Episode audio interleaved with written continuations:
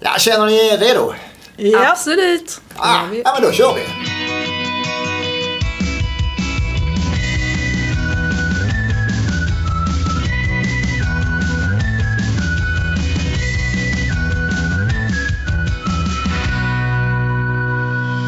Hej och välkommen till podden Sant.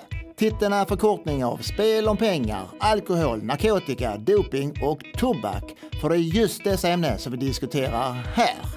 Sant påverkar och ställer till en del problem i vårt samhälle. Jag heter Stefan Åberg, arbetar för Helsingborgs stad som förebyggande samordnare i dessa ämnen.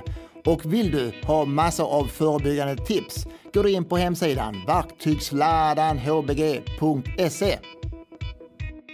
Intima och sexrelaterade frågor brukar väcka allmänhetens intresse. Varför är det så? Vad har sex och droger för gemensamt? Vilken hjälp kan man få och vilka frågor brukar personalen få på ungdomsmottagningen? Hur mycket insyn har de vuxna i ungdomars liv? Idag finns det risk att jag kommer att rodna. Men en sak är säkert. Nu blir det åka av! Varmt välkomna ska ni vara till Sandpodden, kuratorn Maria Jordi Valett och eh, barnmorskan Jessica Klein. Tack, Tack, så mycket. tack. Är det första gången ni spelar in podd? Ja, det är det. Det kommer också bli extra intressant idag att ha det här samtalet för vi har ju bara två mikrofoner ju. Så eh, vi får köra den här först till kvarn-metoden då. Så jag hoppas ni inte blir ovänner under inspelningen.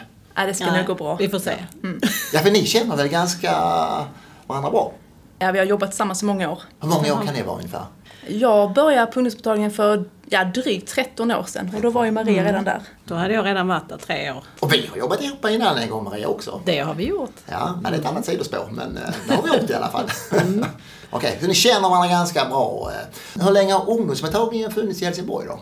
Första mottagningen öppnade 1989. Okej, så länge. Ja. Men hur många verksamheter finns sådana här ungdomsmottagning i Sverige?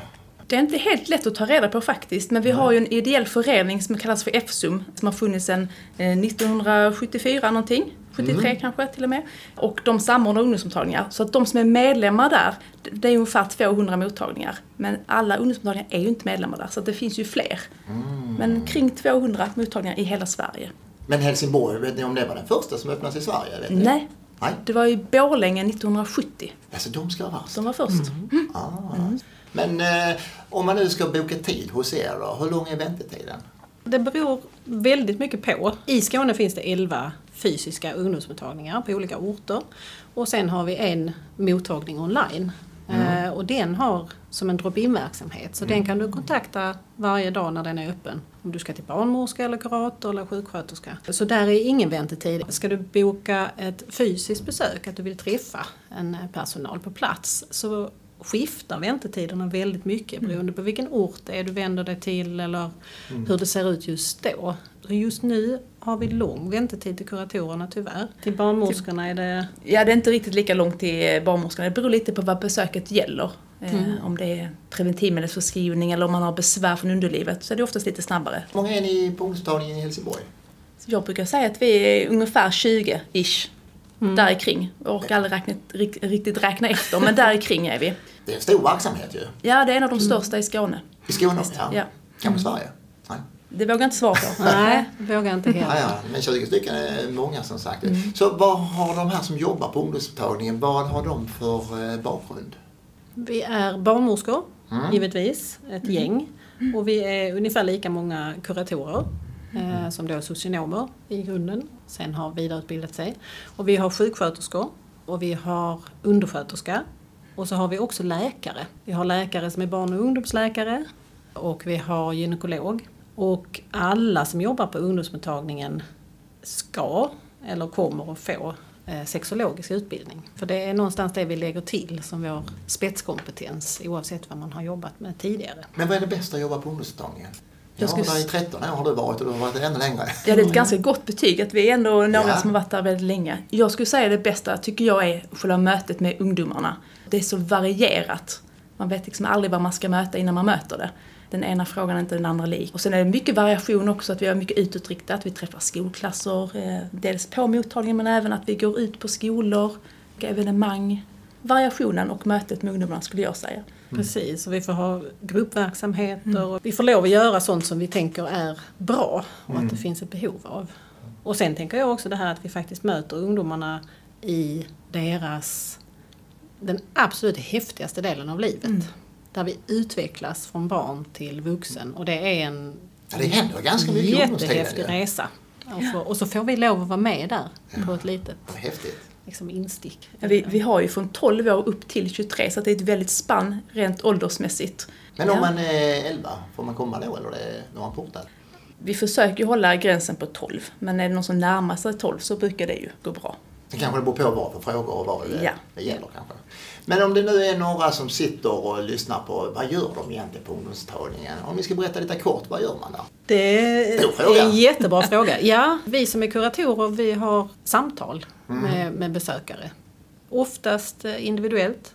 Ofta kommer ungdomen själv. Ibland med en förälder eller en kompis eller ett syskon eller så. Kanske första gången kan kännas tryggt. Eller om det är någon annan som har bokat kan de komma med en skolsköterska eller så. Men i allra högsta grad så är det för sig själv en kommer. Kanske i relation också. Vad är snittåldern till de som kommer till dig? Eh, Det brukar ligga någonstans gymnasieålder på snittåldern. Och det är det nog oavsett vilket yrke, ungdomsmottagningen. Sjuksköterskorna som finns på ungdomsmottagningen har andrologisk kompetens. Det vill säga de är superexperter på penispung. Så det är deras huvudområde. Att göra undersökningar, att eh, kolla så allting är bra. De testar väldigt mycket för olika STI eller sexuellt överförbara sjukdomar. Prata om frågor om sex eller om det finns några problem. Trångför hur det är vanligt. Mm. Ja, och barnmorskor jobbar ju, eller vi är ju specialister på det här med vulva vagina och inte penis och pung. Ja, men vi jobbar mycket med preventivmedel, mycket rådgivning där, mycket undersökningar. Och det kan vara dels undersökningar att man kommer för att man bara vill se och få bekräftat att allting är normalt. Men även de som har besvär som kommer. Det kan vara flytningsbesvär, det kan vara att de kan få ont i sitt underliv. Också mycket samtal som barnmorska på ungdomsmottagningen. Men det måste vara hur mycket som helst. Vilka är de vanligaste frågorna ni får? Är jag normal? är jag normal? Okej. Är detta normalt? Ja. Är jag normal? Och sen om, om en kommer till kurator så kan det bli jobbigt för då kan kuratorn säga Ja, vad är normalt egentligen? Men det, det är väldigt mycket det här oro kring eh, antingen det gäller ens tankar och känslor och känna sig ensammast i världen om att tänka så här konstigt eller känna så här. Eller könsorganen framför allt som vi ju inte kan jämföra. Jag kan ju titta på våra tre näsor här, och, och, eller inte min egen, men, och då kan jag ju konstatera att min är ju ganska lik er och jag har ungefär samma så- uppbyggnad och så. Men den möjligheten har vi inte med våra underliv. Därför tänker jag att jättemycket handlar om att få bli bekräftad. Det här är friskt, det här är så det ska se ut, det är Ja. bra så här. Det händer ju mycket med kroppen från det att man är ja, men 12 år och upp till 23. Så att det är ju mycket frågor som rör det. Hur mycket tror ni de här frågorna ställer till sina föräldrar? Jag tror det är väldigt olika. Ja. Vissa pratar jättemycket med sina föräldrar, många gör det inte. Det kan kännas som väldigt privata frågor som man kanske inte ens vill prata med sina föräldrar om. Och det är därför vi finns ju. Vi är jättevana att prata om det. Och att detta är en del av det här med vår utveckling till vuxen. Att det här är kanske den första delen av vårt liv som vi inte vill dela med våra föräldrar och kanske inte ska heller. Eh, våra föräldrar delar inte sina tankar om sex eller sina sexuella liksom, funderingar med hoppas oss. Det de får vi hoppas att Ja. de inte gör. Och just att vi ska kunna skapa det här utrymmet själv. Här har jag mina kompisar eller här har jag andra vuxna jag kan prata med men inte mina föräldrar. Så mycket om sig själv, om vad som är normalt. Och så. Men hur många träffar ni på ett helt år på ungdomstagningen? Rätt Jag eh, bad att kolla lite statistik Ja. och då fick jag det senaste nu och då gäller det hela Skåne. Och då hade vi haft första halvåret 2022 så har vi haft nästan 40 000 besök. Och då är det nästan 50-50 på online och fysiska besök.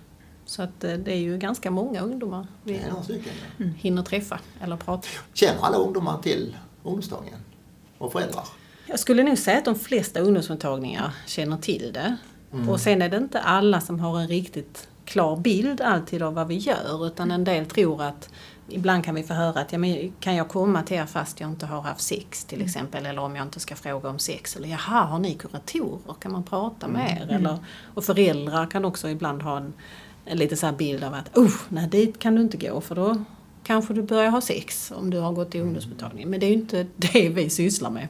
Att eh, liksom få folk att ha sex. Utan snarare att kom gärna och fråga. Och vi möter ju väldigt mycket som inte alls är kopplat till sexualitet. Ja, det förstod jag. Det här bekräftelse och... Jag kan tänka att stressen kan vara vanlig kanske. Att Jättevanligt. Som mm. hör i samhället. Och, eh, är det vanligt att man pratar om relationsfrågor? Ja. Ja. Ja. Vad bestämt jag där. Ja, och det är väl också en del av att eh, där de befinner sig i livet. Att alla relationer, ja dels kan det ju vara romantiska eller sexuella relationer, men vänskapsrelationer och familjerelationer och när det händer så mycket med en själv så händer det också saker i alla ens relationer. Mycket med. Mycket frågor, ja men jag. Men vad brukar frågorna vara om relation? Ja men det kan ju vara frågor om förhållande, kärleksförhållande. Kan det vara. Men det är precis som Maria sa innan, eh, det är olika sorters relationer. Jag tycker att det är väldigt blandat. Och mycket, i alla fall när jag träffar ungdomar, mycket handlar också om att försöka träna på att fundera. Okej, men så som jag ser det, jag har mina glasögon och jag tolkar andra utifrån hur jag tänker om mig själv. Men vad tänker de? För de har ju egna glasögon som handlar om dem själv. Vi är ganska hårda mot oss själva. Vi dömer oss själva ganska mycket, vi är självkritiska. Vi tycker att vi inte passar in lika bra och vi tänker att vi inte är då normala. Men andra ser ju inte oss så. Och då kan vi liksom hjälpas åt i det här att tolka. Mm. Blir de nöjda när de går ifrån hos er? De känner att jag har fått svar på frågan eller ger mig tips att söka vidare på information någonstans? Eh, Vi säger ju googla aldrig till att börja med. Dr Google är inte så bra.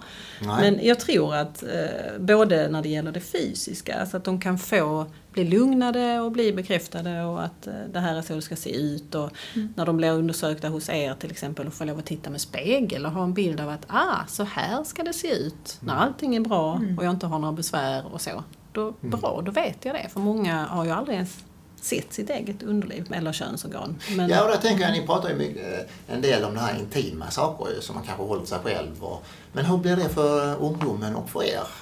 Jag upplever att de flesta ungdomarna är väldigt, eller oerhört öppna faktiskt. Ja, Och okej. berättar gärna. Nu drar jag alla över en kam, men Ja, ja, oftast tycker jag att det är så. Jag tror att många känner en trygghet när de kommer till IM, att på IM kan man prata om sånt som man kanske inte pratar om på andra ställen.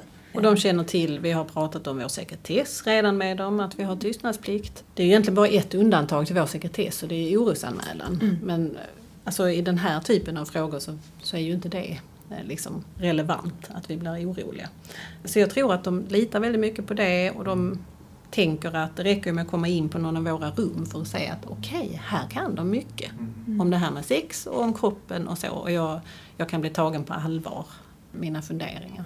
Så det, det är ju ett gott betyg att de är så öppna med det. En annan sak som diskuteras emellanåt är det här att eh, det här porrtittandet, att det gör någonting med eh, ungdomar och vuxna. Hur ställer ni er till det där? För det är lite olika bud om detta och lite olika tyckande. Ja, och jag tänker framförallt är det tyckande. Det är väldigt, väldigt mycket tyckande om det. Vilket gör det svårare när en ska försöka bilda sig en uppfattning. Så behöver vi vara väldigt källkritiska. När vi där, är det här forskning? Vad är det baserat på? Eller är det en tyckare? Som tycker saker och, har- och har liksom moral eller Det olika... finns mycket tyckande i Det finns samhället. jättemycket tyckande och där, är, där blir det så viktigt att faktiskt försöka sålla bort. Men det här har, har undersökts och här går det att se kopplingar. Men det här handlar mer om vad folk tycker om saker. Och vi, vi tar upp och pratar om porr i eh, till exempel när vi har skolinformationen och, och framförallt att lyfta det som att det är ingenting som, som en behöver tycka om och det är absolut inte något som är, behöver vara dåligt heller för en. Men att vara medveten om att det är fake. Precis som James Bond eller Avengers är fake så är det här producerat. Han är rätt upp James Bond. Ja, det är han. Fast jag springer ju inte ut på hustaken och tänker att Nej. jag ska kunna hoppa mellan dem när jag har sett en James Bond. Och precis likadant så gäller det att förstå att det här är ju producerat för att tjäna pengar på. Så att det här speglar inte verkligheten. Och jag kan tänka mig en fråga som eh, också kommer emellanåt. Vad är okej? Alltså relaterat till samtycke. Ja, precis. Ja, men samtycke, det tycker jag vi pratar mycket om. Det, ja. Var går gränserna och mm, så. Absolut. det är ju en av våra käpphästar att prata om självsex eller onani. Som kanske den första personen du har sex med. Och syftena med, med det och det som är positivt för en, förutom eh, må bra-hormoner och allt annat bra som händer med oss. Att det blir ett sätt för mig att läsa av min kropp i sexuella situationer. Vill jag, vill jag inte? Vad tycker jag om, vad tycker jag inte om och så vidare. För att vi ska givetvis vara väldigt mest noga med den andra. Vill den, vill den inte. Jag kan fråga om jag känner mig osäker och inte kan tolka. Men jag behöver också känna mig själv eh, och vad jag tycker om. Precis, för att du ska kunna bli bra med någon annan så behöver du vara bra för en själv. Men vad svarar de på en sån fråga? Hur bra känner du dig själv? Om man skulle ställa en sån fråga till ungdomarna. Din kropp Alltså, jag, tycker okej? många blir ganska ställa just den här eh, klassiska frågan om vem är den första personen man brukar ha sex med. Det är så lite en kuggfråga som vi har ställt genom alla åren. Eh, och det är då sex med, att man har självsex då. Många blir ganska ställa tycker jag. Eh, för att man kanske inte har riktigt tänkt på det. Man tänker så ofta att sex är ju med någon annan. En annan sak jag tänker på, den psykiska ohälsan har ju ökat. Det visar ju många rapporter som sagt i samhället. Märker ni också av det på ungdomstagningen? Jag tyckte Nils Lundin svarade så bra på det här när han var han med är i, i den här podden. Ja. Ni som inte har lyssnat på det, lyssna Ja. på det. Hade den psykiska ohälsan ökat i den takten som media har rapporterat det så skulle ju ingen må bra idag. Nej. För att det är lite så det rapporteras om det. Och jag tänker inte att jag har, jag har inte tillräckligt mycket vetenskaplig grund för att kunna säga att den har ökat eller inte ökat. Däremot tycker jag, de här 16 åren jag har jobbat i alla fall, att det är mycket mer tillåtet att prata om sin egen psykiska ohälsa. Säga till i skolan att Nej, nu går jag till kurator. Ja, vad bra, säger läraren. Bra att du tar, tar dig själv på allvar och tar tag i ditt mående. Så. Det tycker jag har förändrats och det är någonting positivt. Det kan inte vara lika accepterat förr. Nej, jag tror inte det. Jag tror det var jag mer tänk- skamfyllt. Ja, tänker jag tillbaka när jag började jobba på ungdomsmottagning för 13 år sedan drygt då, så då var det ofta ett större steg för många ungdomar. Man kände att okej, den här ungdomen behöver gå till en kurator. Men ungdomen själv kände att nej, kurator, nej, nej, nej. Men det tycker inte jag att jag upplever nu, utan nu är det många som vill och tycker liksom att det känns helt okej att gå och prata. Det har blivit ett mindre steg. Och det är ju jättebra. Ja, det är det. Men det är bra man lyfter den psykiska ohälsan. Så, eh, om man nu skulle vara stressad av den biten, påverkar det sexlusten också? Absolut. Den gör det? Ja. det är så så. överens. Som en kör.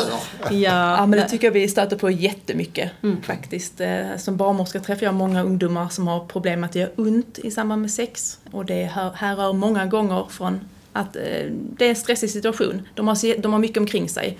Och sen att försöka liksom koppla bort alla prov och allt sånt de har när de ska ha sex. Det kan vara svårt. Och det brukar oftast vara svårt att få ungdomarna att förstå det att ja, men, hjärnan och underlivet det hänger liksom ihop. Hela kroppen hänger ihop. Och prestation. eh, Ja. Och där tänker jag både de, de med slida och de med penis. Alltså att inte bara allt annat som, som de ska vara bra på. Och snygga och fräcka och coola och alltid med.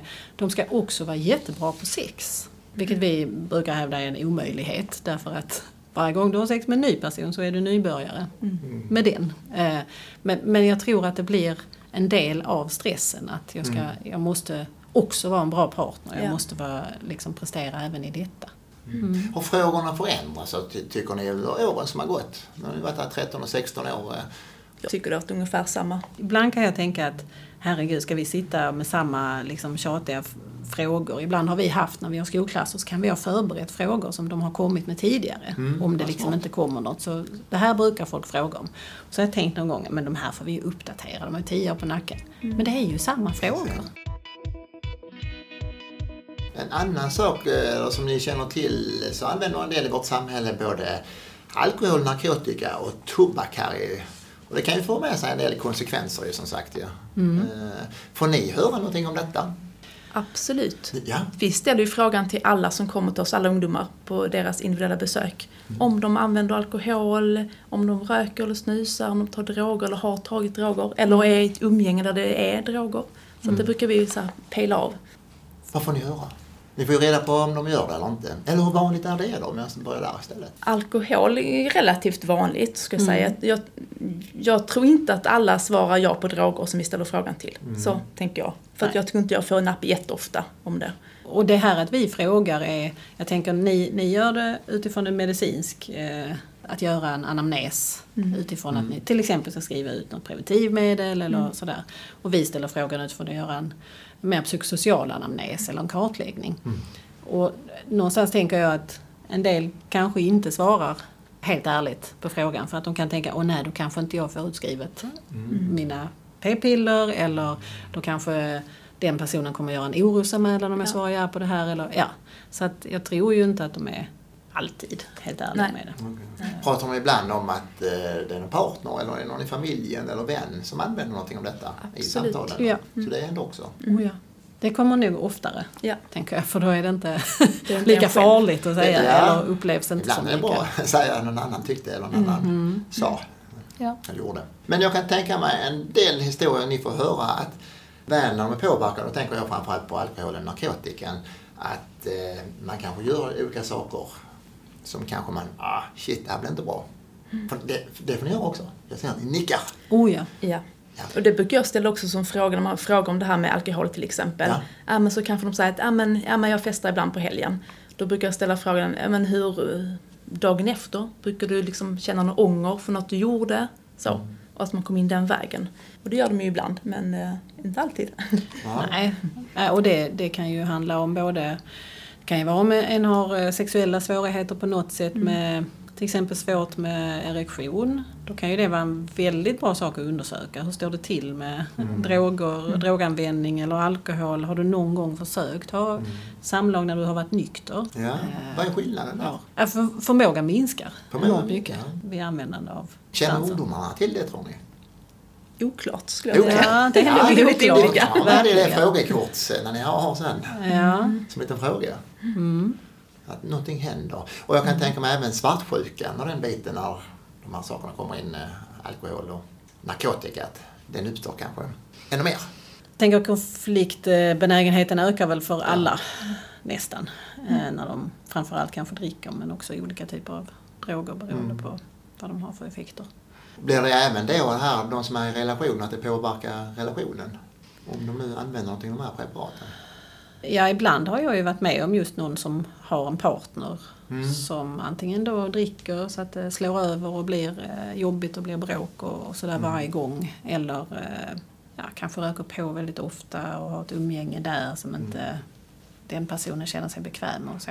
När vi får eh, napp på det så har vi möjligheten att erbjuda kontakt med Maren och Väst. Det har vi pratat om någon gång innan också att om vi inte vet vad vi ska göra med svaret, och detta gäller för alla, oavsett vad vi jobbar med. Om vi inte vet vad vi ska göra med ett svar så ställer vi inte frågan. För det är väldigt obehagligt om jag frågar Har du någon gång utsatts för våld? Och så svarar personen ja. Och så tänker jag Jaha, vad ska jag göra nu? Det här blir jätteläskigt för mig för jag vet inte vad, vad, vad ska jag ta vägen med detta, vem ska jag kontakta, vem ska jag så? Eller droger, eller sex i andra sammanhang tror jag, eh, utanför ungdomsmottagningen. Så att om vi bara vet vad vi ska göra med det, så är det inte så läskigt att fråga. Som andra ord så samverkar ni med en del. Det finns ju väldigt många Ja. bra resurser i hela Därför jag tänker på Maria Nordwest, de är redan med i ett annat poddavsnitt också faktiskt. Men eh, så finns det Blå Kamelen och andra verksamheter här i staden ju. Det är jättebra att man kan hänvisa vidare ju. Ja, det Så det. hjälper ni till med det där eller de själv fixar det, den kontakten eller? hur? Det beror nog mycket på vad de har för möjligheter själv eller om det är en förälder inblandad eh, i kontakten eller så. Då, det beror mycket på. Ja, från fall till fall. Sen finns det en grupp där som ibland eh, självmedicinerar sig med alkohol och narkotika och det kan även vara sexuella saker som sagt. Stöter ni på det också? Oh ja, Ja. ångestdämpande. Mm. Och då, rent krasst kan det gå att ställa frågan hur skadar du dig själv? För att då kan det just vara genom att utsätta sig för sexuella risker till exempel eller skära sig eller ta droger eller olika sätt att försöka dämpa ångesten på. Och så att vi då kan hjälpas åt att hitta andra sätt att både dämpa ångesten i stunden men framförallt jobba med så att inte ångesten behöver uppstå. Men det är ju jätte, jättevanligt att använda olika sätt att skada sig själv på. Eh, Om man är en tjej och ska ha p-piller, är det en bra kombination att använda alkohol, narkotika eller tobak? Gå på p-piller? Ja, rent medicin så är det här med rökning, rökning eller på grund av nikotinet, eh, där finns det ju en liten förhöjd risk för blodpropp. Och blodproppsrisk finns även i viss grad på vissa preventivmedel, så här vanliga kombinerade p-piller som har östrogen i sig. De har en liten förhöjd risk. Men har man då även att man röker till exempel, då har man ännu mer risk. Så att vi, vi tänker lite i risker. Hur många risker har den här ungdomen? Eh, och skulle man till exempel vara 35 plus och röka så får man inte utskrivet vanliga kombinerade p-piller just på grund av blodproppsrisken. För då har man liksom både åldern som är riskfaktor och det här med rökningen. Eh, nu är våra ungdomar yngre än 35 ju. Eh, men det kan finnas andra riskfaktorer. Så att, eh, det pratar vi också om. Vet du om den har kombination med alkohol och narkotika? Alkohol tänker jag, eh, om man dricker så pass att man kanske kräks, att man kräks upp en tablett efter att man har tagit, så förstör det upptaget. Då kan det vara att tabletten kommer upp och så har man ingen effekt av den, och vilket kan leda till att man kan bli oönskat gravid. Så på så sätt. Så det är ingen bra kombination att använda det kanske? Alltså det är ju väl aldrig bra att dricka eller röka och ta droger, skulle jag säga. Ja. Så. Men hur jobbar ungdomsmottagningen förebyggande med alkohol, narkotika och tobak? Ja, vi ställer ju frågor som jag sa innan, vi ja. screenar av liksom om de använder någonting av det.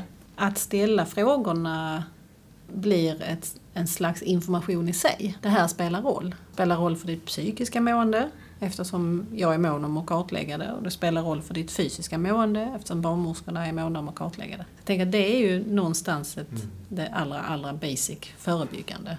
Det är viktigt att man lyfter frågan för det är långt ifrån alla som gör det och ställer frågorna ju. Och sen vill ni göra något vidare med frågan ju. Och det tycker jag är klockrent.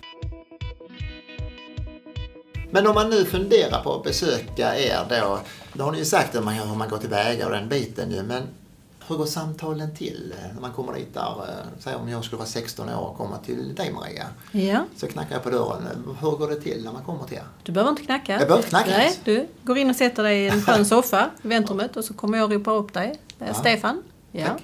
Det är jag det. Och sen är det, jag brukar börja med att, ja först får du legitimera dig. Det, får man. Det är Ja, väldigt okej. viktigt, eftersom vi- Så har man inte legitimation med sig så får man... Jo, vi kan, kan också kolla personuppgifter. Om du kan ditt personnummer, du kan ditt telefonnummer och din adress och så. Men anledningen till att det är så viktigt att vi vet att du är du är för att vi är hälso och sjukvård. Så vi måste journalföra alla vi träffar.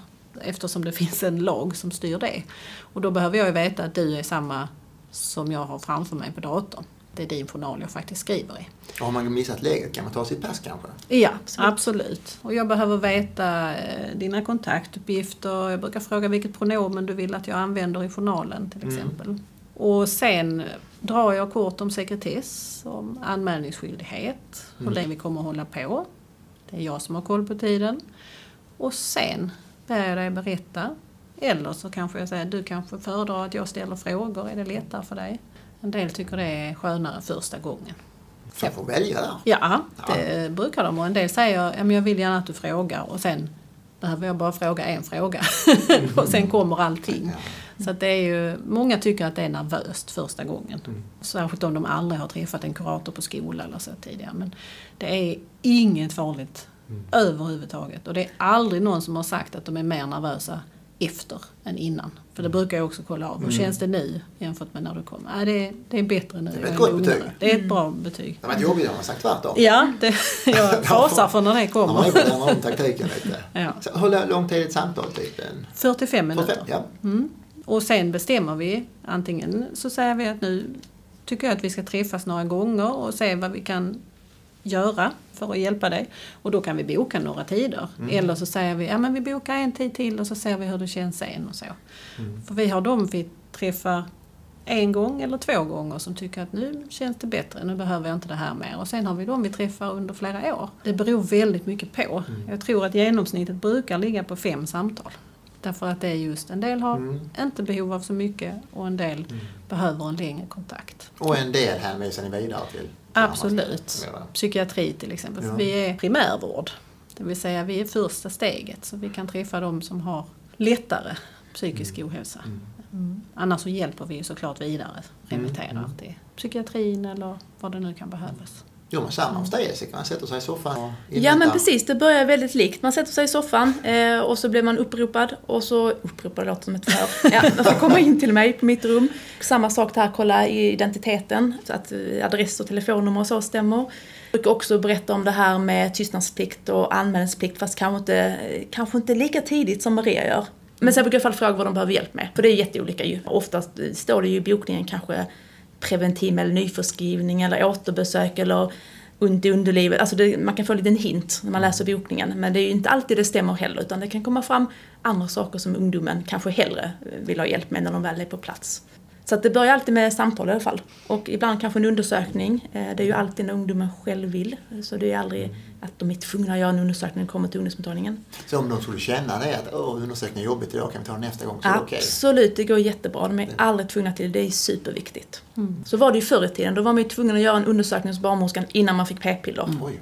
Det behöver nog bli ett tag sedan det var så. Men det är det inte så längre i alla fall. Utan det är när man själv vill.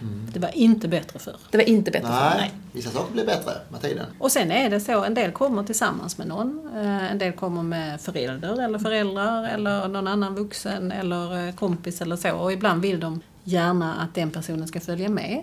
Så de får följa med in till Eh, rummet också. Det får de. Då brukar jag säga, vill du det så går det bra. Så träffas vi tillsammans en liten stund och sen vill jag träffa dig själv en liten stund. För det är inte farligt eh, att Ja, men det är en träffas trygghet ju. Hur vanligt är det att föräldrar är med? Ganska vanligt till barnmorska i alla fall att de är med. Men det är precis som Maria säger, då får de följa med in. Men vi är noga med att fråga ungdomen. Vill du att din är med? Sen tänker jag att i en sån situation kan det vara svårt för ungdomen att säga nej, det vill jag inte. De kan, alltså det är svårt inför föräldern, eh, om det är nu föräldern som är med eller kompisen. Men därför har vi liksom alltid som litet krav kan man säga att i slutet av besöket vill vi träffas själva. Ja. Eh, oavsett vem som är medföljare. Hur mycket insyn har föräldrarna i att de kommer till er? Ingen om inte ungdomen vill det. Det, ja.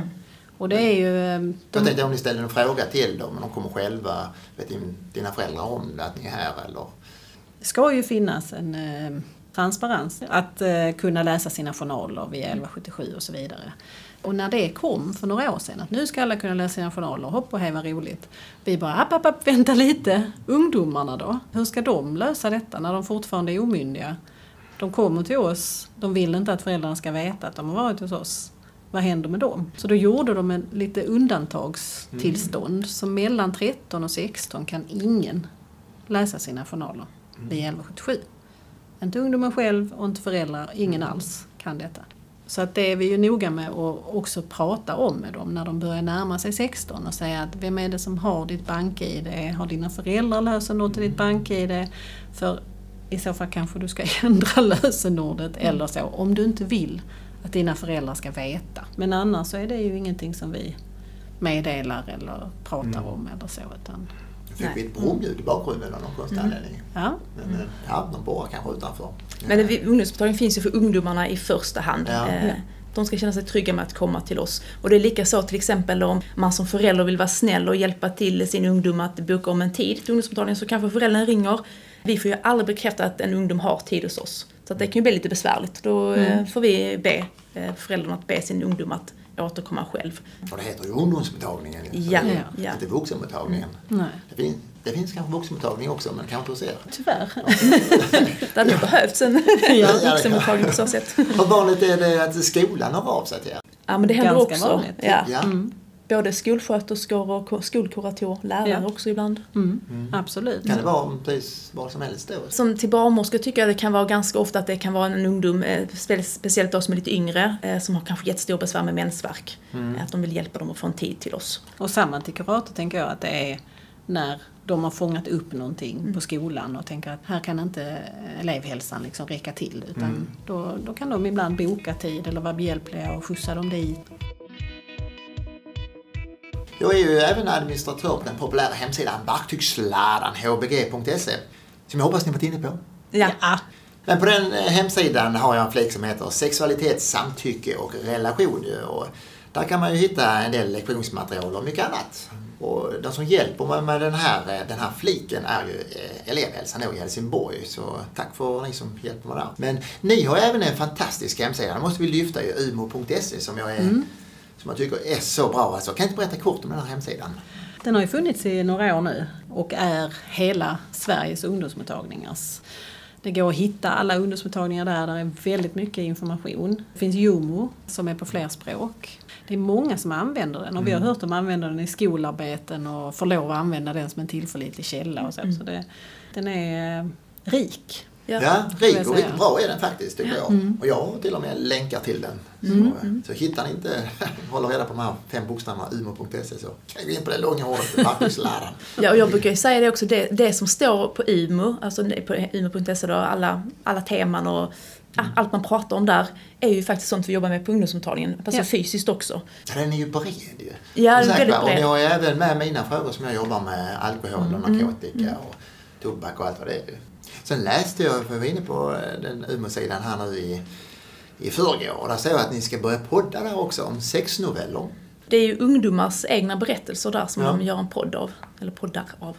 För där är ju en sak också, jag tänkte på den här frågan du tog upp med porr innan. Att vad vi, vad vi tänder på eller vad vi tycker är lustfyllt eller så, det är ju väldigt många som kan upptäcka att ah, skriven erotik eller liksom lustfyllda eller aha, oj, det här var ju jättespännande. Så att det tänker jag är också någonting ibland att prata med ungdomar om, att det går att söka det här på andra sätt om man inte tycker att det här visuella är, är så häftigt. Så det finns massor att ta del av i litteratur eller poddar eller vad det nu kan vara. Ja, vilket trevligt samtal vi har haft eh, Maria och Jessica. Hur ska vi summera detta här? eh? Kom till ungdomsmottagningen. Plats för alla hoppas vi. Om man är 13 till 23. Ja, precis. Just. Mellan 12 och Just det. 23. Ja, men då vill jag säga tack än en gång att ni kunde vara med idag och, eh, och den här superviktiga informationen ni har gett idag. Så, så jag vill bara säga ha det bäst. Hej hej! Tack för att vi fick komma. Tack för att vi fick komma Stefan. Ja, Okej, ha det bra. Hej! Hejdå. Ja.